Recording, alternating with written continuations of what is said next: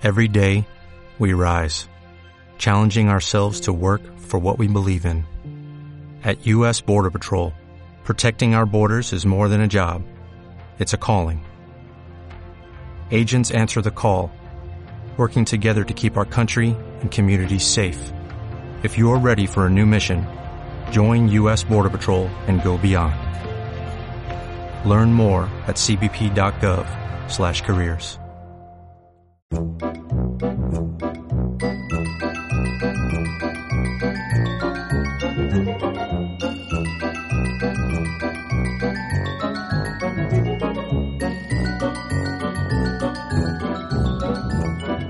hora de la mainada.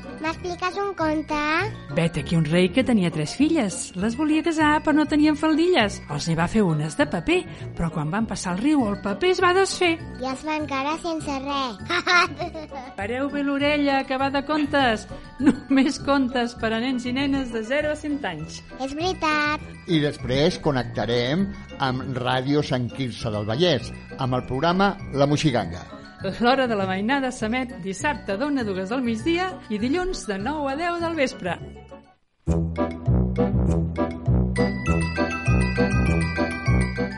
Benvinguts a l'Hora de la Mainada, el programa que dedica una hora sencera a les criatures.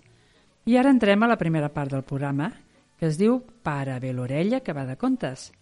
Durant aquesta primera mitja hora, només contes, contes pensats per vosaltres, persones de totes les mides. I després escoltareu la Moixeganga, que és un programa infantil a més en diferit des de Ràdio Sant Quirze. Us parla la Teresa Rufà Creus i com a tècnic tenim l'Albert Catot Font.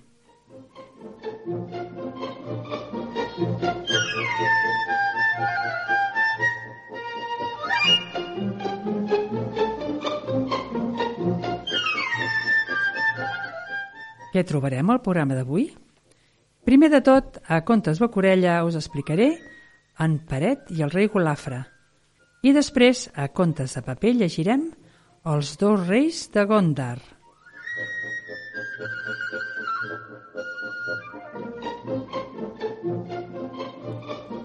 Esteu a punt? Doncs pareu bé l'orella, que va de conte.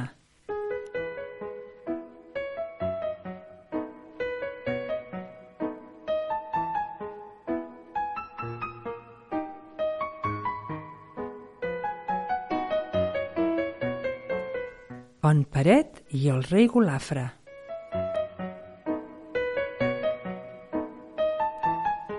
Vet aquí que una vegada era un pobre sabater que tenia tres fills. Un dia va passar per davant de la seva botiga un home vell, miserablement vestit i miserablement calçat. Bon home, va dir aquell vell al sabater, demano per favor si em voleu vendre un parell de sabates. I el sabater va córrer a donar-los-hi. I aquell vell va obrir el seu portamonedes, on no hi havia sinó només cinc sous. Però el sabater li va dir «Guardeu-vos el vostre diner, no us en vull cobrar res de les sabates». «Oh, ja que sou tan bo, us diré de mi que fa molts segles, per la meva falta de caritat, vaig ser condemnat a caminar per sempre. Un dia, passant pel paradís terrenal, vaig trobar un presseguir que feia uns préssecs meravellosos. Me'n vaig menjar un, però vaig guardar el pinyol per a regalar-lo a algú que fos generós. Us el regalo a vos. És tot el que puc oferir-vos. I dit això, el vell va marxar.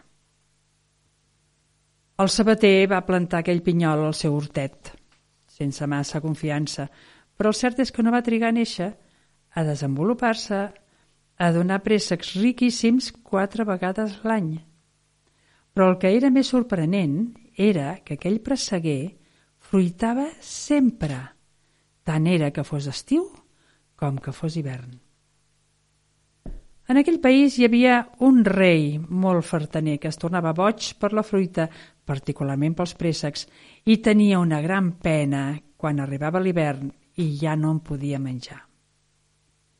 Un dia va arribar a prometre a la mà de la seva filla que li portés un cistell de préssecs al pic de l'hivern que els volia. I la notícia va córrer per tots els àmbits del reialme i el sabater, doncs els tenia. I ell que crida al seu fill gran i li diu Mira, vés i porta-li aquests préssecs, que de segur que quan els veurà li faran créixer la saliva a la boca. I el noi va marxar amb la cistella de préssecs.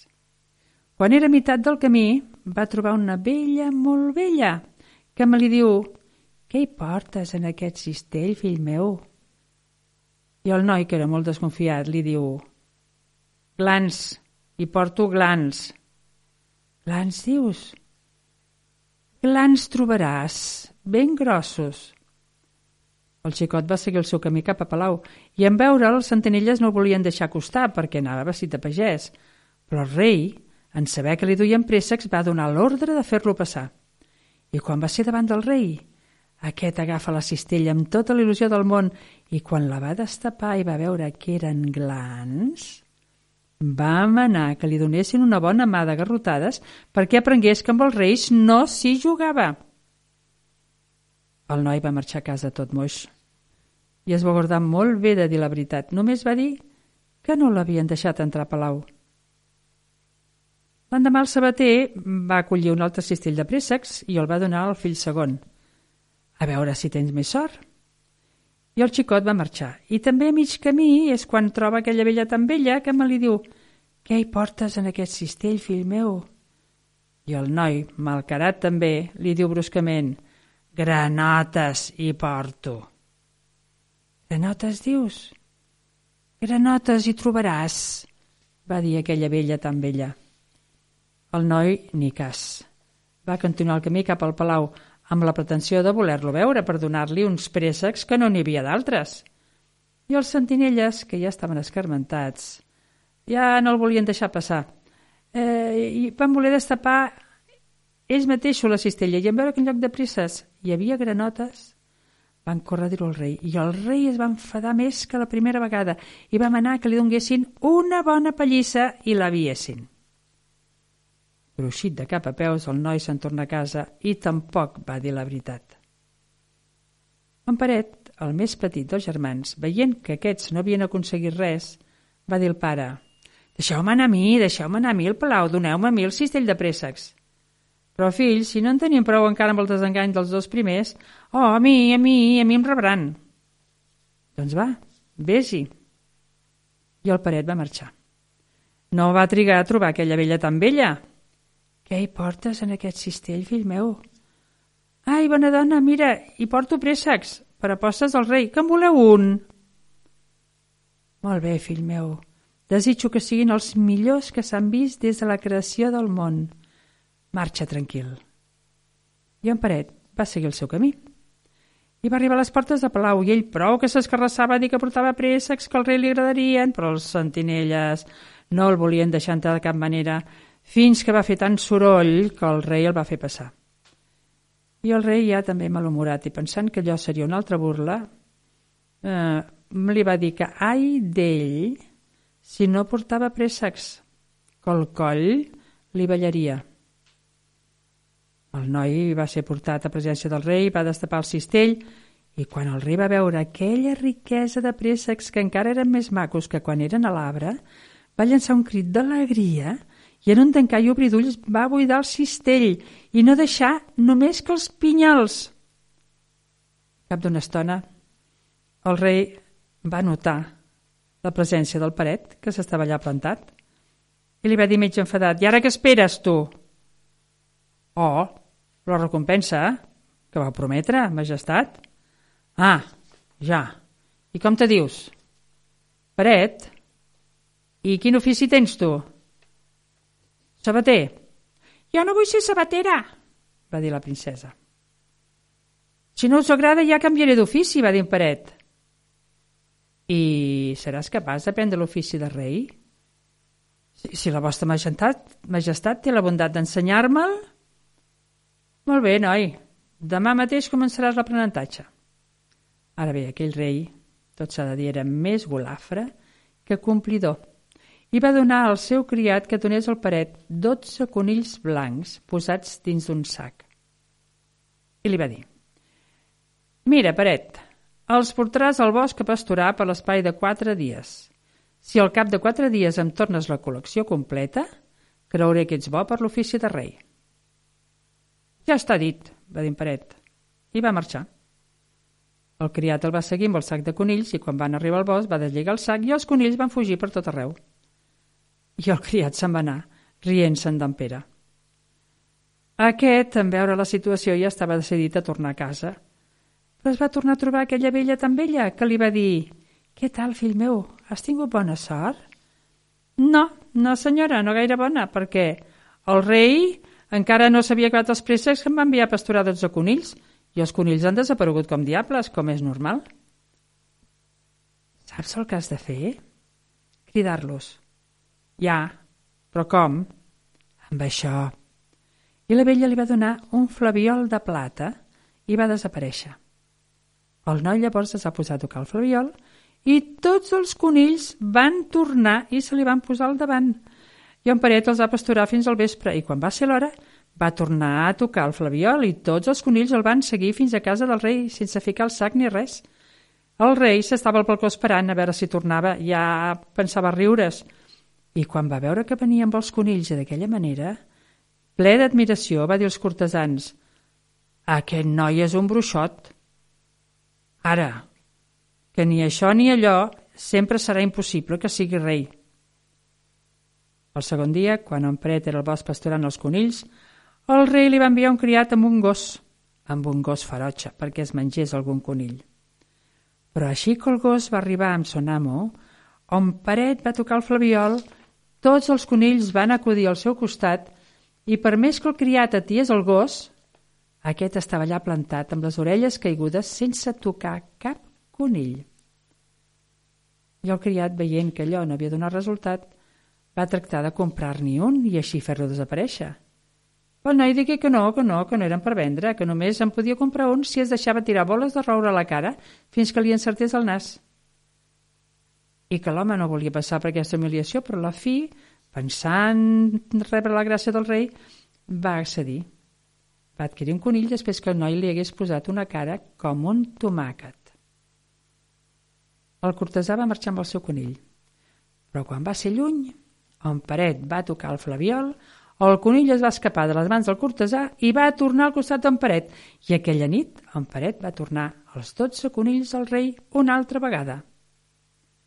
El rei es tornava boig i va dir «Demà hi aniré jo». L'endemà el rei es va disfressar, com de pobre, i li va dir en Paret «Què hi fas aquí, noiet?» «Estic guardant una dotzena de conills», va contestar en Paret, que ja havia notat que aquell vell era el rei. «Que vols vendre'm un?» «No, no el vendré pas per diners, no. Qui vulgui un conill dels meus m'ha de besar l'esclop el pobre rei li va oferir tant d'or com volgués, però veient que tot era inútil, s'abaixà, li va fer un petó a l'esclop, agafar un conill i va marxar. Però encara no havia fet les 200 passes de rigor que el conill, sentint el flaviol, va donar una estrabada i va tornar corrents a reunir-se amb els seus companys, i on Paret va tornar a Palau per última vegada amb tot el seu ramat de conills. I el rei aquella vegada, admirat de l'astúcia i de les arts d'en Paret, li va dir Realment, has donat proves que si arribes a ser rei sabràs guardar els teus súbdits. I va permetre el casament amb la princesa, que n'estava molt contenta ja que cap príncep era tan llest i espavilat com ell. I va ser un dels reis més grans de què ens parla la història, que ja es dir. I conte contat, conte acabat.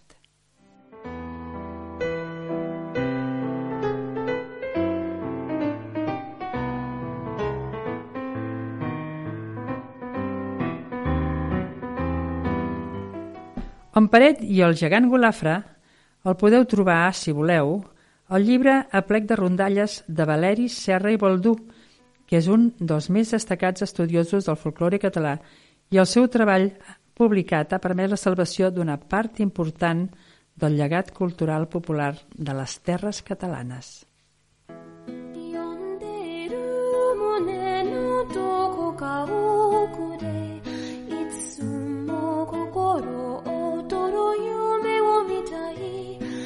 悲しみは数えきれないけれどその向こう Avui a Contes de Paper us portem Els dos reis de Gondar, que és un conte d'Etiòpia.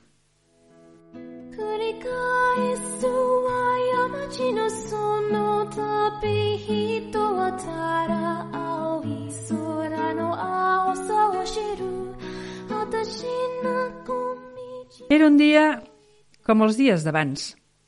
I un pobre camperol, tan pobre que no tenia res més que la pell sobre els ossos, i tres gallines que picotejaven algun gra pel terra polsegós, s'estava assegut a l'entrada de la seva vella cabana com cada cap vespre. De sobte va veure arribar un caçador muntat damunt del seu cavall. El caçador li va dir «Home, m'he perdut per la muntanya i estic buscant el camí que porta a la ciutat de Gondar». «Gondar? És a dos dies de camí d'aquí», li va contestar el camperol. «El sol ara ja s'està ponent. Seria més sensat que passessis la nit aquí i que marxessis demà al matí». El camperol va agafar una de les gallines, la va matar, la va cuinar amb un foc de llenya i va preparar un bon sopar per oferir al caçador. Després de sopar, tots dos junts, sense parlar gaire, el camperol va deixar el seu llit al caçador i ell va dormir a terra al costat del foc. L'endemà al matí molt d'hora, quan el caçador es va despertar, el camperol li explicava com ho havia de fer per arribar a Gondar. Has d'endinsar-te pel bosc fins que trobis un riu. Hauràs de creuar el riu amb el teu cavall, vigilant molt bé de no passar per la part més fonda. Després has de seguir per un camí que voreja un precipici fins que arribis a una carretera més ampla. El caçador l'escoltava amb atenció i el va interrompre. Ai, home, em sembla que em tornaré a perdre. No conec aquesta regió. Tu em podries acompanyar fins a Gondar? Podries pujar al cavall darrere meu? D'acord, va dir el campiol, el camperol, però amb una condició. Quan arribem a Gondar, m'agradaria conèixer el rei. No n'he vist mai cap. I el caçador li va dir, el veuràs, t'ho prometo. El camperol va tancar la porta de la seva cabana, va muntar el cavall darrere del caçador i van començar la ruta. Van passar hores i hores travessant muntanyes i boscos i van passar una altra nit sencera al ras i quan anaven per camins sense ombra el camperol obria el seu gran paraigües negre i es protegien tots dos del sol. I quan per fi van veure la ciutat de Gondar a l'horitzó, el camperol va preguntar al caçador «Com es reconeix un rei?» «No et preocupis, és molt fàcil. Mira, quan tothom fa el mateix, el rei és aquell que fa diferent». Tu observa bé les persones al teu voltant i el reconeixeràs. Poc després, els dos homes van arribar a la ciutat i el caçador va enfilar el camí del palau. Un munt de gent eren davant de la porta parlant i explicant-se històries fins que en veure els dos homes a cavall se'ls van apartar de la porta i es van agenollar al seu pas. El camperol no en tenia res. Tothom estava agenollat excepte ell i el caçador, que anaven a cavall. On deu ser el rei? Jo no el veig, es preguntava el camperol. Ara entrarem a Palau i el veuràs, t'ho asseguro. I els dos homes van entrar a cavall dins del Palau. El camperol estava inquiet, perquè de lluny veia una filera de persones i veia guàrdies muntats a cavall que els esperaven. I quan ells van passar pel seu davant, els guàrdies van desmuntar i només ells dos van seguir dalt del seu cavall. El camperol es va començar a posar nerviós. Em vas dir que quan tothom fa el mateix, però on és el rei? Paciència, ja el reconeixeràs. Tu només recorda això, que quan tothom fa el mateix, el rei fa diferent. Els dos homes van acabar baixant del cavall i van entrar en una immensa sala de palau. Tots els nobles, els cortesans i els consellers reials van treure's el barret. Tots anaven sense barret, excepte el caçador i el camperol, que no entenia per què servien amb barret dins d'un palau. El camperol va acostar-se al caçador i va murmurar «No el veig». «No siguis impacient, que acabarà reconeixent-lo. Vine a seure amb mi». I els dos homes es van instal·lar en un gran sofà, molt còmode i elevat. Tothom estava dret al seu voltant. El camperol, cada vegada més inquiet, va observar bé tot el que veia. Es va acostar al caçador i li va preguntar «Qui és el rei? Tu o jo?» I el caçador es va posar a riure i li va dir jo, jo sóc el rei, però tu també ets un rei perquè saps acollir un estranger. I el caçador i el camperol van ser amics durant molts i molts anys.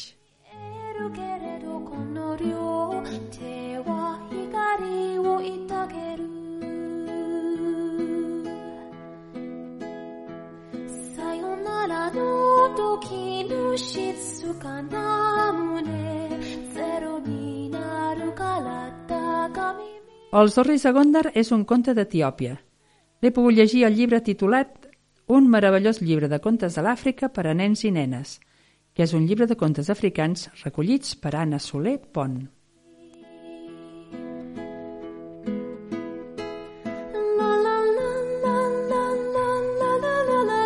I tenim uns minutets, i com a propina també tenim un conte petitó, tan petit que és un quasi conte. Es diu Un conte bonic.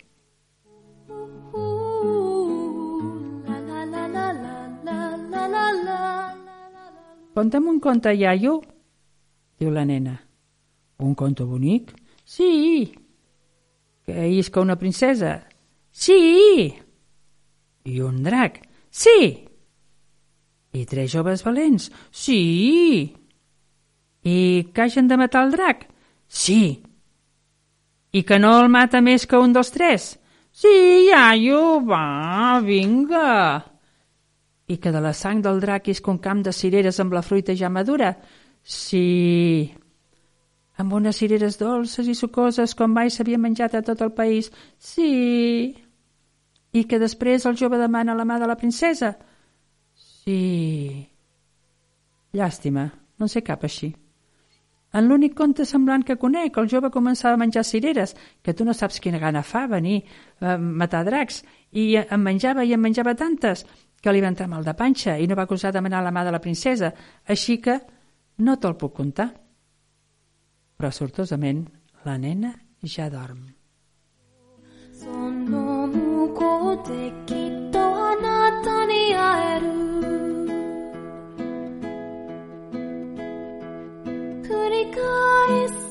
Un conte bonic és de Josep Vicent Marquès i és un conte del llibre el retorn del nàufrag professional, editat a València per l'editorial 3 i 4.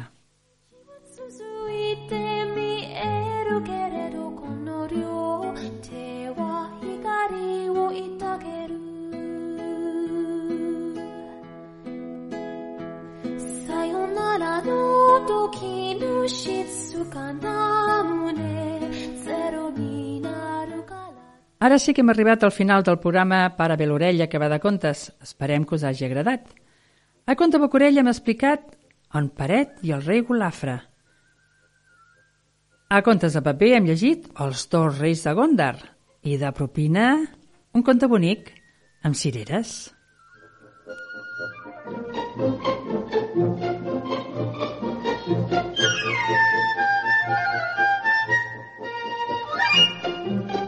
Us dic el meu mail 3arrufat107 arroba gmail.com per si algú desitja rebre per escrit les referències dels contes de què parlem, a opinar, o dir-me el que vulgueu, a demanar-me algun conte.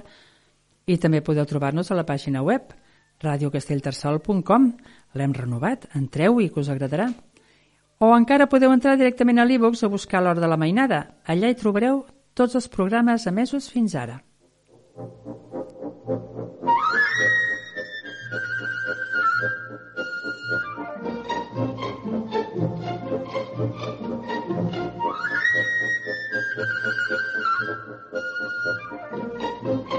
Us ha parlat la Teresa Rufà Creus i ho ha fet possible el nostre tècnic Albert Catot Font.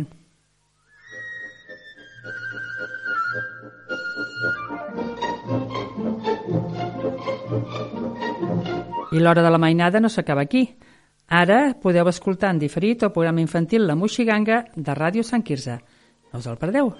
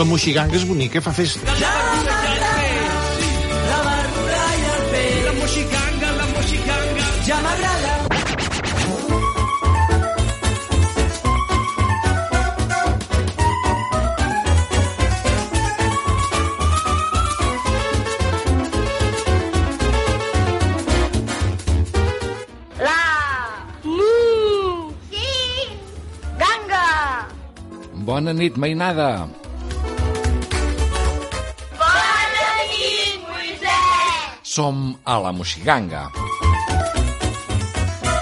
Benvinguts i benvingudes a aquest nou programa de febrer. Atenció, perquè estrenem mes, estrenem el mes de febrer, segon mes de l'any.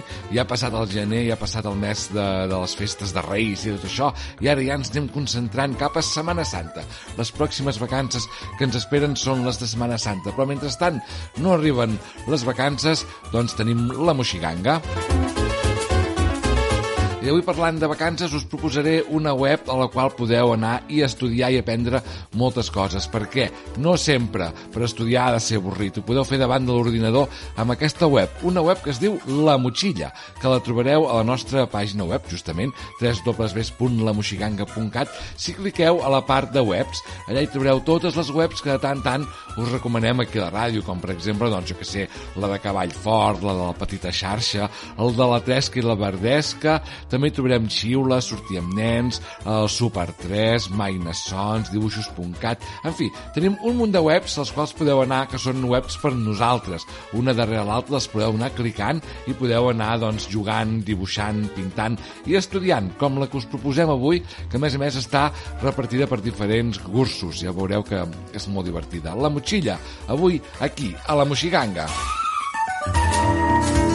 Continuarem amb un nou capítol de Sir Petit i avui es titula La caixa misteriosa. I acabarem, com sempre, amb una cançó de Bressol que voldrà dir que és el moment, que la Moxiganga, tots els nens i nenes, ens n'anem a dormir. Doncs vinga, ja que estàvem posats a dir-nos quina era la nostra pàgina web, també a la nostra pàgina web, si voleu, hi trobareu tots els programes sencers que els, els hem fet fins ara, doncs els podeu posar allà. I a més a més, hi ha l'opció de baixar-vos el programa al vostre ordinador i posar-lo, per exemple, a l'MP3 i quan aneu al cotxe, escoltar la moxiganga amb els vostres pares. Per exemple, eh? però també podeu escoltar contes, podeu escoltar el Posem Fil a la Poesia, les webs que us acabo de dir, Jocs de Falda i Circ Petit. També trobareu una taca de pintura que és Circ Petit i allà hi podreu escoltar tots els capítols, a més a més de pintar-lo i jugar amb el nostre joc que tenim als telèfons Android. Doncs vinga, va, no m'enrotllo més i comencem. Soc el Moisès i estem a punt de començar el programa infantil, un programa que es diu La Moxiganga. I avui ho farem amb una gallina, una gallina pica, que es veu que ha fet un ou i no sap què ha de fer després d'haver fet l'ou. I això ens ho cantarà el pot petit. Doncs vinga, si esteu preparats, nosaltres sí que ho estem. Comencem. Comencem durant els pròxims 30 minuts per tots vosaltres el programa infantil de la teva emissora municipal. Som-hi! Soc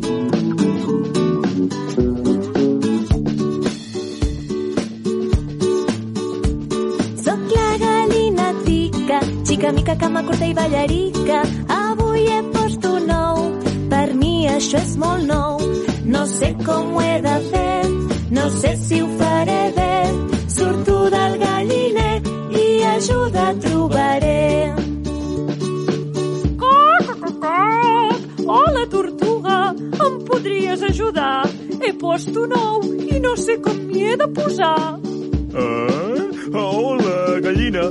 Les tortugues enterrem els ous a la sorra de la platja i diria que les gallines això no ho heu de fer pas. Coc, coc, ai, no! Però no et desanimis, que segur que una solució trobaràs.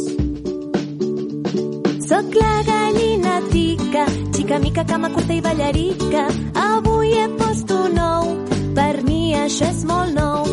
No sé com ho he de fer, no sé si ho faré bé.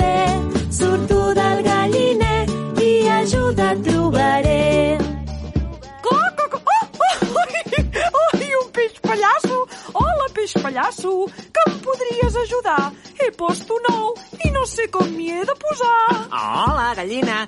Els peixos posem els ous a dins del mar i tu això no ho has de fer pas. Ai, no!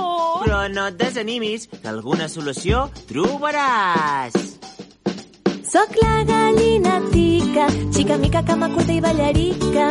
Avui he post un ou, per mi això és molt nou. No sé com ho he de si ho faré bé. Surto del galliner i ajuda trobaré.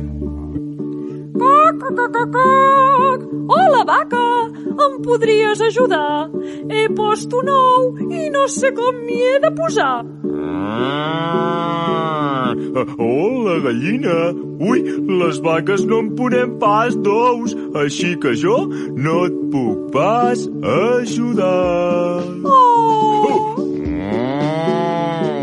no et desanimis, que segur que una solució trobaràs. Soc la gallina tica, xica mica, cama curta i ballarica. Avui he post un ou, per mi això és molt nou. No sé com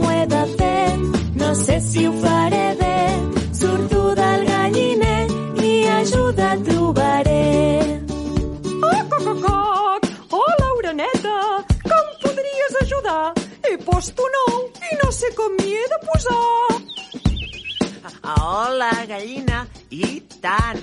Mira, has de fer com jo. Covar l'ou, li has de donar molt dos gols foreta, cuidar-lo molt, i quan tot estigui ben preparat, sortirà un pollet. Oh, esclar! Oh, coc, coc, coc, moltes gràcies, oreneta! De res! Oh, que bé! Soc la gallina tica, xica mica, cama curta i ballarica. Avui he post un ou, per mi això és molt nou. Ara sé què he de fer, segur que ho faré bé. Dormo al galliner i el meu ou covaré. La Moixiganga. La caputxeta vermella va anar un dia al bosc i mentre anava cantant va trobar-se amb el llop. Aquest programa sí que és una ganga. La puteta mamella la daddy de boc, de tant, de cantant, de putatge ballo. I la web que us proposem avui és La Motxilla.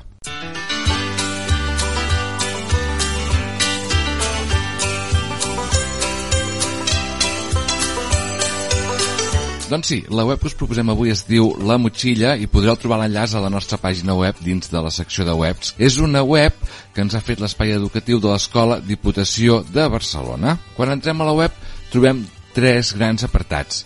De P4 a segon, de tercer a sisè i English. Si cliquem l'apartat de P4 a segon trobem moltes activitats. Per exemple, trobem llengua catalana, llengua castellana, anglès, matemàtiques, medi i altres activitats com podrien ser música, pintar i jocs. Tot relacionat amb aquestes edats que acabem de clicar. Per exemple, jo ara mateix clicaria dins de medi i ens surt una altra pantalla molt xula on podem trobar l'aigua, transports i comunicacions, aliments, festes i tradicions, activitats, animals, el cos humà, en fi, tot el que estem estudiant a l'escola ho trobaríem aquí. També podem clicar dins de llengua castellana i aquí trobaríem doncs el que serien activitats i coses per fer amb llengua castellana des de vocabulari, cuentos, actividades, en fi, un munt, un munt de coses. I ara, per exemple, jo clicaré a l'apartat de tercer a sisè i aquí ja és una cosa una mica per més grans, doncs trobaríem matemàtiques, vídeos i pel·lícules, doncs trobaríem el diccionari de català, el diccionari de castellà, diferents jocs, música, medi natural, diccionaris, en fi, un, un munt de coses que podem entrar i fer i estudiar a davant de l'ordinador que ens ho passem molt bé. I l'apartat d'anglès, doncs aquí trobarem, doncs, per exemple, l'espai de webs, cançons, eh, vídeos per escoltar i per veure, en fi, moltíssimes activitats perquè quan a l'escola els mestres us diuen que heu d'estudiar, no cal que ho feu sempre davant d'un llibre o d'un paper. Podeu entrar a aquesta pàgina web i estudiar online. Per exemple, cliquem l'apartat de cançons, de songs dins de l'apartat d'anglès i podríem trobar cançons com ara aquesta. The wheels on the bus go round and round, round and round, round and round. The wheels on the bus go round and round, all through the town. The wipers on the bus go swish, swish, swish, swish, swish, swish, swish, O podríem trobar-hi aquesta altra cançó. If you're happy and you know it, clap your hands. If you're happy and you know it, clap your hands. If you're happy and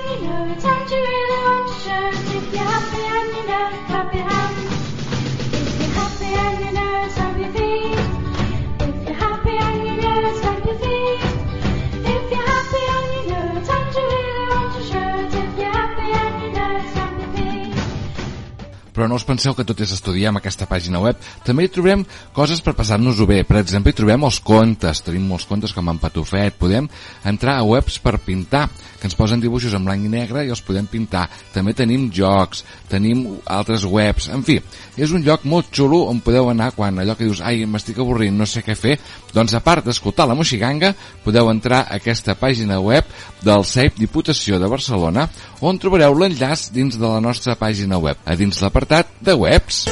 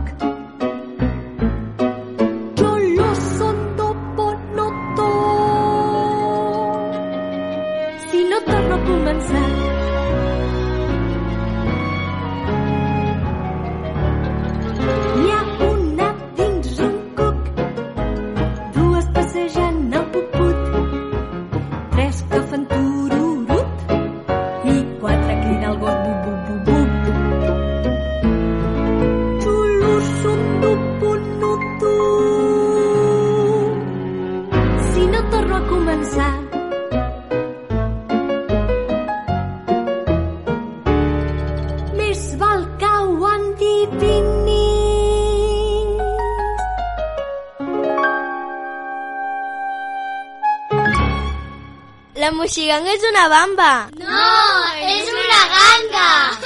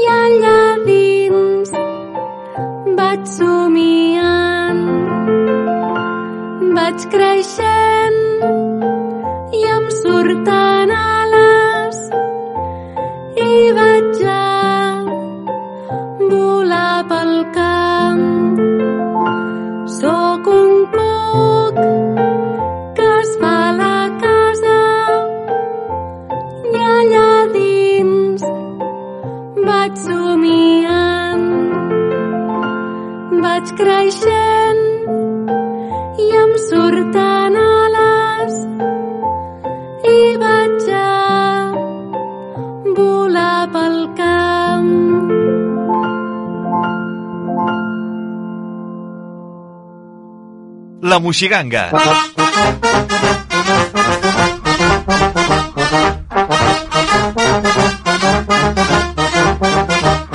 Aquest programa sí que és una ganga.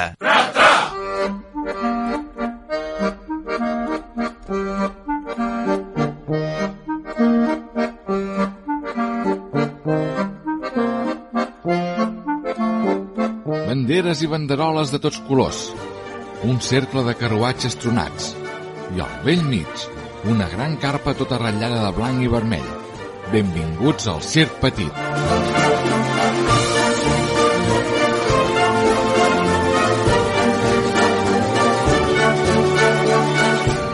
La caixa misteriosa. Voleu conèixer aquest petit circ? Doncs veniu, apropem-nos-hi. És ben d'hora de matí i els artistes del circ petit encara dormen. En aquest moment arriba el carter del poble carregat amb una petita capsa. Ah? Sí, és aquí el circ petit. A veure, bon dia... Bon dia... Caram, no hi ha ningú.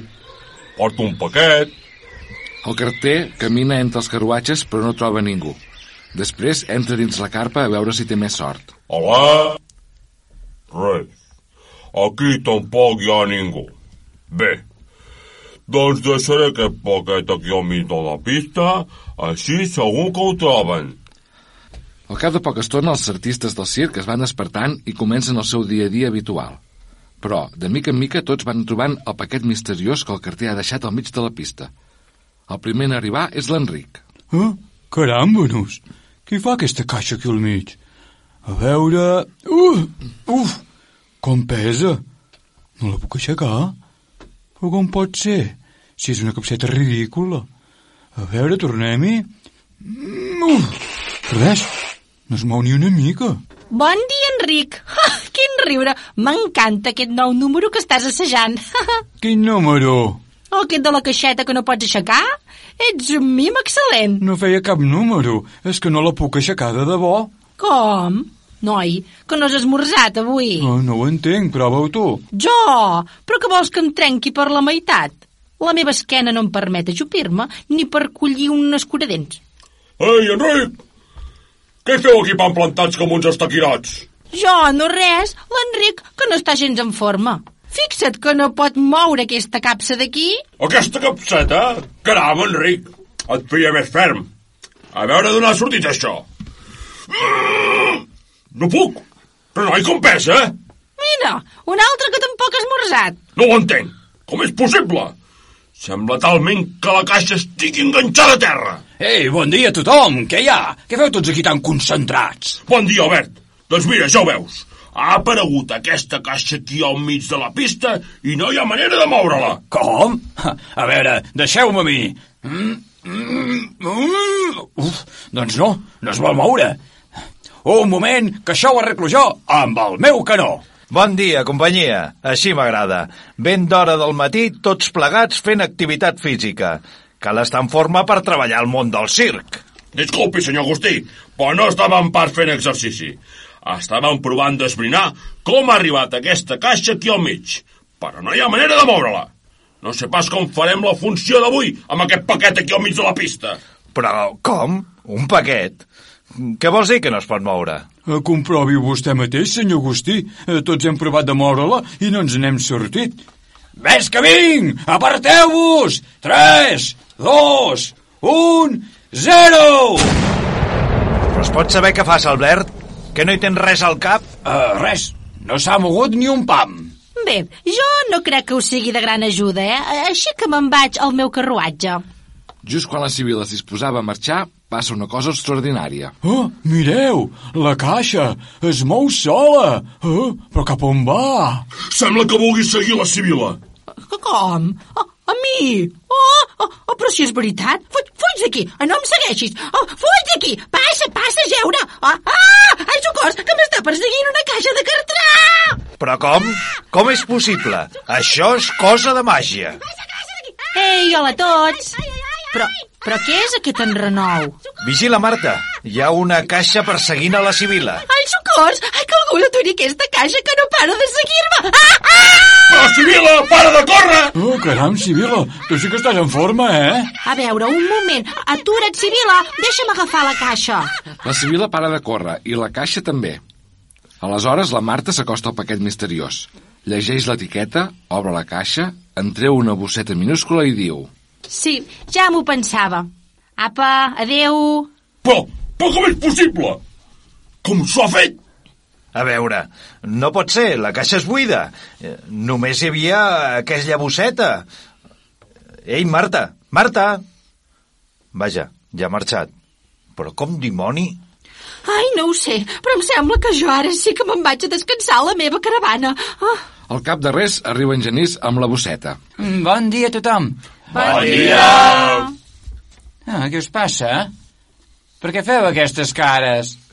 Aquesta caixa, com és possible que ningú la pogués moure i vingui la Marta i... Ja, la caixa. Me l'ha enviat un mag amic meu. M'ha fet arribar una mica de pols màgica de la millor.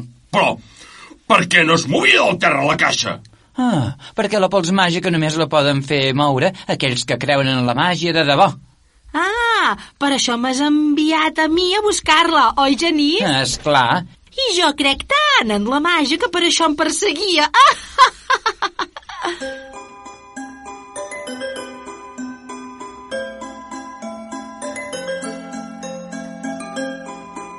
Hola, Marta. Hola. Caram, avui s'ha vist clar qui creu en la màgia de debò, oi? Doncs sí, I com ho escriuràs, això que ha passat avui? Deixa'm rumiar. A veure... Sí, ja ho sé. Si no ho veus, no t'ho creus? Pot una caixa de cartró enganxar-se damunt la sorra? Riure's del més forçut del món o empaitar una bruixa que no corre? Pot un trapella de nas fi, també un mag d'allò més bo. Ho podràs aconseguir si en la màgia creus de debò.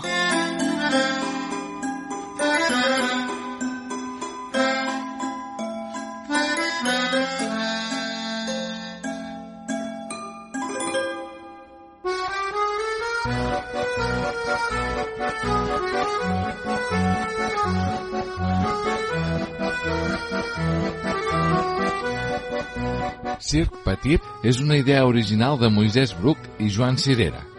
Guió i direcció, Joan Cirera. Amb les veus de Moisès Bruc, Jordi Canal, Joan Cirera, Mònica Torra i Jordi Terrades. Muntatge musical, Moisès Bruc. El control, Carla Cerqueda. Amb els equips tècnics de Ràdio Sant Quirze.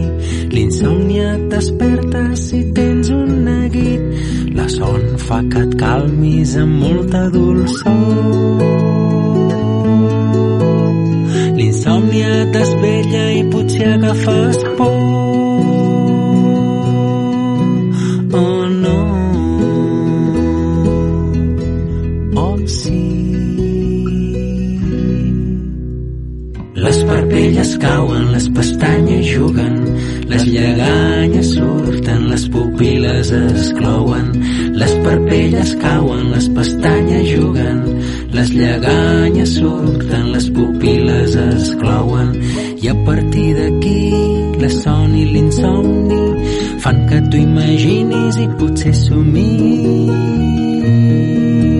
Oh no,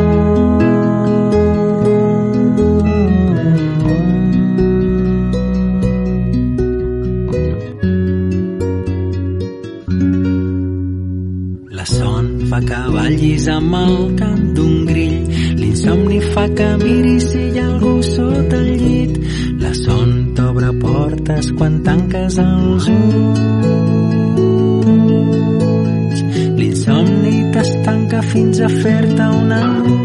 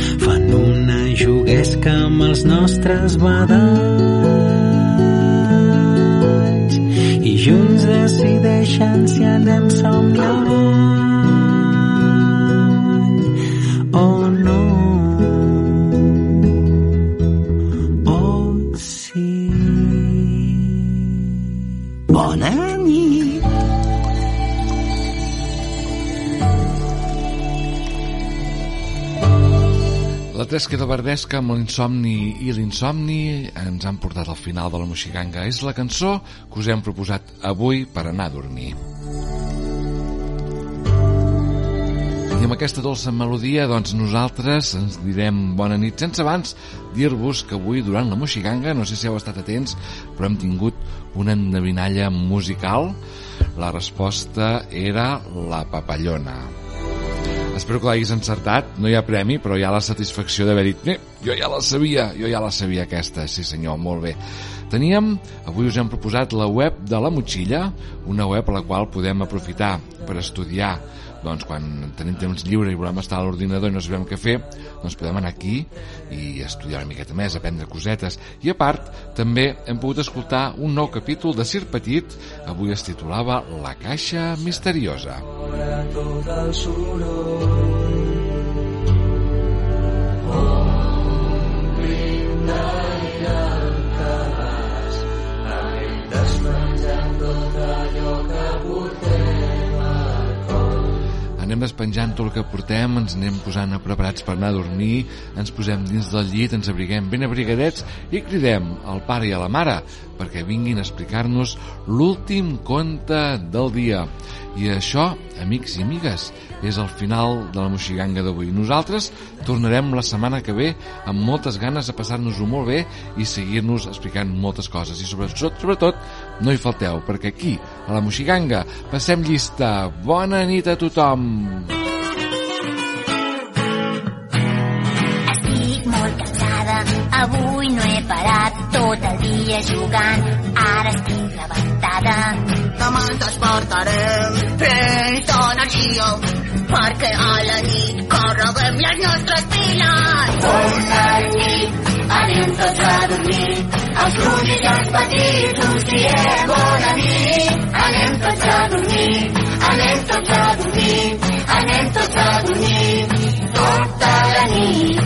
Bona nit, anem tots a dormir, els i els petits us diem bona nit.